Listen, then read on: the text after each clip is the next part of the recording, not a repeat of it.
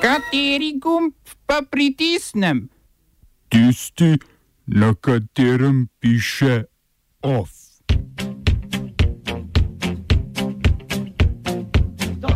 Stari možači Šejk Hasini že tretji zaporedni mandat na čelu Bangladeša.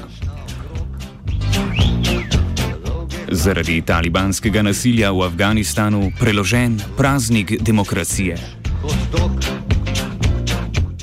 Brazilski predsednik Bolsonaro za možnost nakupa orožja za belce. Arabci teptajo simbole judovsko-krščanskega izročila. Partije grozijo na drugi sveti večer. Drugič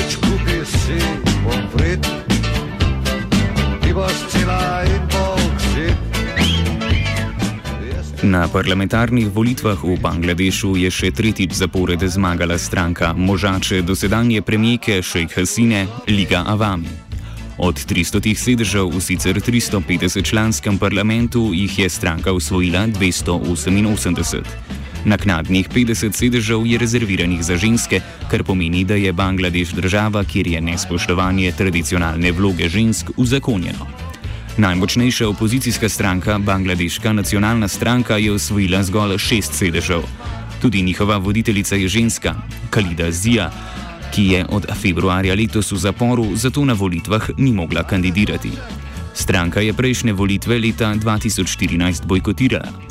Volitve so spremljali spopadi med podporniki nasprotujočih si strank in obtožbe o polnjenju volilnih skrinic in ustrahovanju na voliščih, zato nekatere stranke zahtevajo ponovne volitve. Volilna zmeda verjetno nikogar ne čudi, če imajo vajeti v rokah ženske.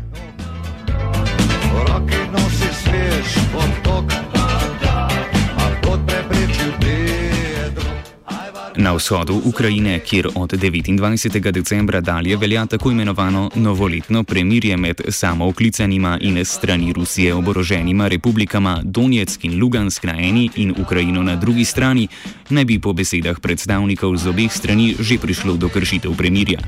Od začetka konflikta leta 2014 je bilo med vojskojočimi se strani sklenjenih že 25 premirij. Nobeno izmed teh premirij ni bilo spoštovano v celoti, zato opazovalce vse bolj skrbi način, na katerega Rusija širi totalitarizem v Evropo, tradicionalno trdnjavo demokracije. Z današnjim dnem se v Ukrajini začenja tudi kampanja za predsedniške volitve, ki bodo konec marca 2019. Prvi, ki se je podal v ukrajinsko predsedniško bitko, je nekdani ukrajinski ministr za okolje Igor Ševčenko. Na položaju ministra je bil Ševčenko v letih 2014 in 2015, kmalo po zaključku svoje nogometne kariere v kijevskem Dinamu, Milanu in londonskem Chelseaju, na kar je bil strani ukrajinskega parlamenta zaradi obtožb o korupciji odstavljen. A pot preprečil Pedro. Ajvar naš v zobi. Zaradi talibanskega nasilja je afganistanska volilna komisija preložila predsedniške volitve za tri mesece. Namesto 20. aprila naj bi se zgodile 20. julija. S tem naj bi pridobili čas za boljšo organizacijo, saj so bile oktobrske parlamentarne volitve zelo kaotične, glasovi pa še kar niso prešteti.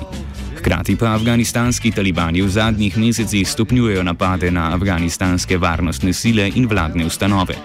Včeraj so se talibani z visokimi iranskimi predstavniki sestali na mirovnih pogajanjih v Teheranu, glavni cilj pa je bil najti rešitev za čim hitrejši dogovor o premirju med afganistanskimi uporniškimi skupinami in afganistansko vlado.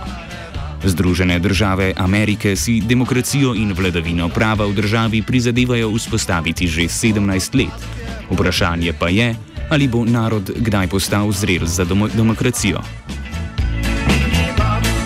Da. Ajde toček. Novo izvoljeni brazilski predsednik Jair Bolsonaro želi omogočiti dostop do orožja vsem dobrim ljudem. Trenutno mora vsak, ki želi posedovati orožje skupaj skozi, po mnenju Bolsonara, predolg proces opravljanja psiholoških testov in dokazovanja, da ima stalno bivališče in zaposlitev. Nedovoljeno posedovanje pa je kaznovano s štirimi leti zapora.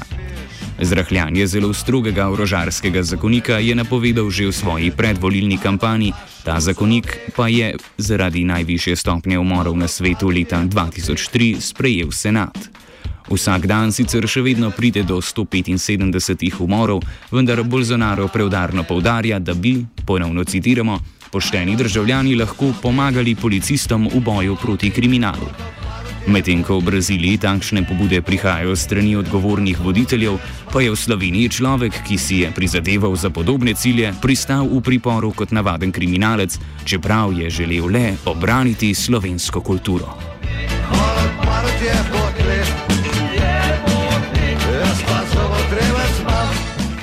Jordanska predstavnica vlade Žumana Gnematova se je fotografirala ob tem, ko je na poti na sestanek sindikati stopala po izraelski zastavi naslikani na tleh. Spomnimo, da je izraelska zastava simbol judovsko-krščanske kulture, ki jo zadnje čase vse pogosteje tako dobesedno kot simbolično teptajo v arabskem svetu. Gnematova je bila namenjena na sestanek z jordanskim premijejem Omarjem Al-Razazom, ki pa je vstopil v stavbo skozi stranska vrata in se s tem izognil hoji po zastavi.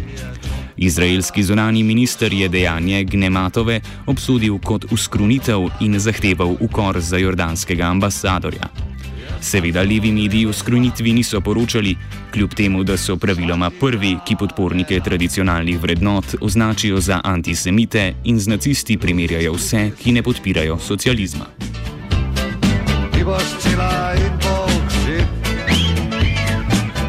Francoski časnik Le Monde se je bil primoran opravičiti zaradi naslovnice svoje revijske izdaje, na kateri so upodobili francoskega predsednika Emanuela Macrona na način, ki je mnoge bralce spomnil na nacističnega voditelja Adolfa Hitlerja. Uredništvo sicer ustraja, da ta usporednica ni bila namerna. Tu se očitno zopet kažejo težnje levičarjev po cenzuri in po primerjanju vseh, ki ne delijo njihovih pogledov z nacisti.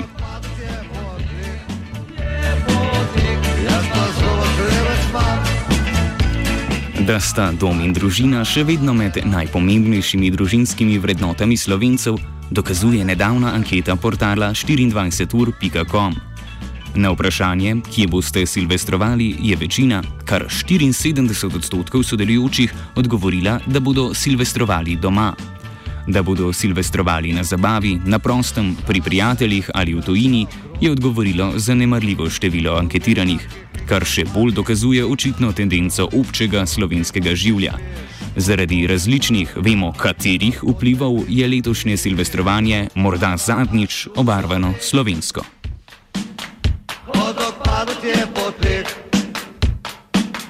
Jaz pa sobotrevec imam, pa ti ga ne dam.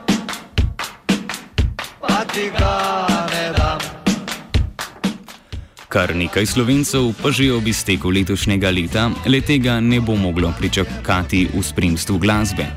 Oblasti Banja Luke so namreč že v jutranjih urah zaradi varnosti odpovedale današnji silvestrski nastop popularnega srpskega pevca Željka Joksimoviča.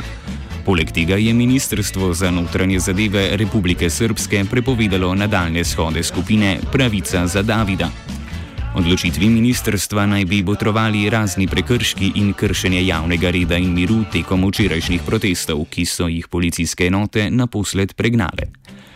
Skupina Pravica za Davida že mesece organizira proteste, ki od policije in političnega vodstva zahtevajo razjasnitev umora Davida Dragičeviča.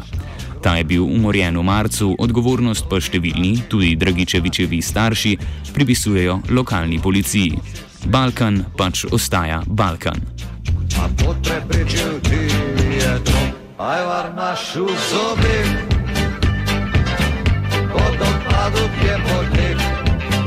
Off je spisala slovenska mladež.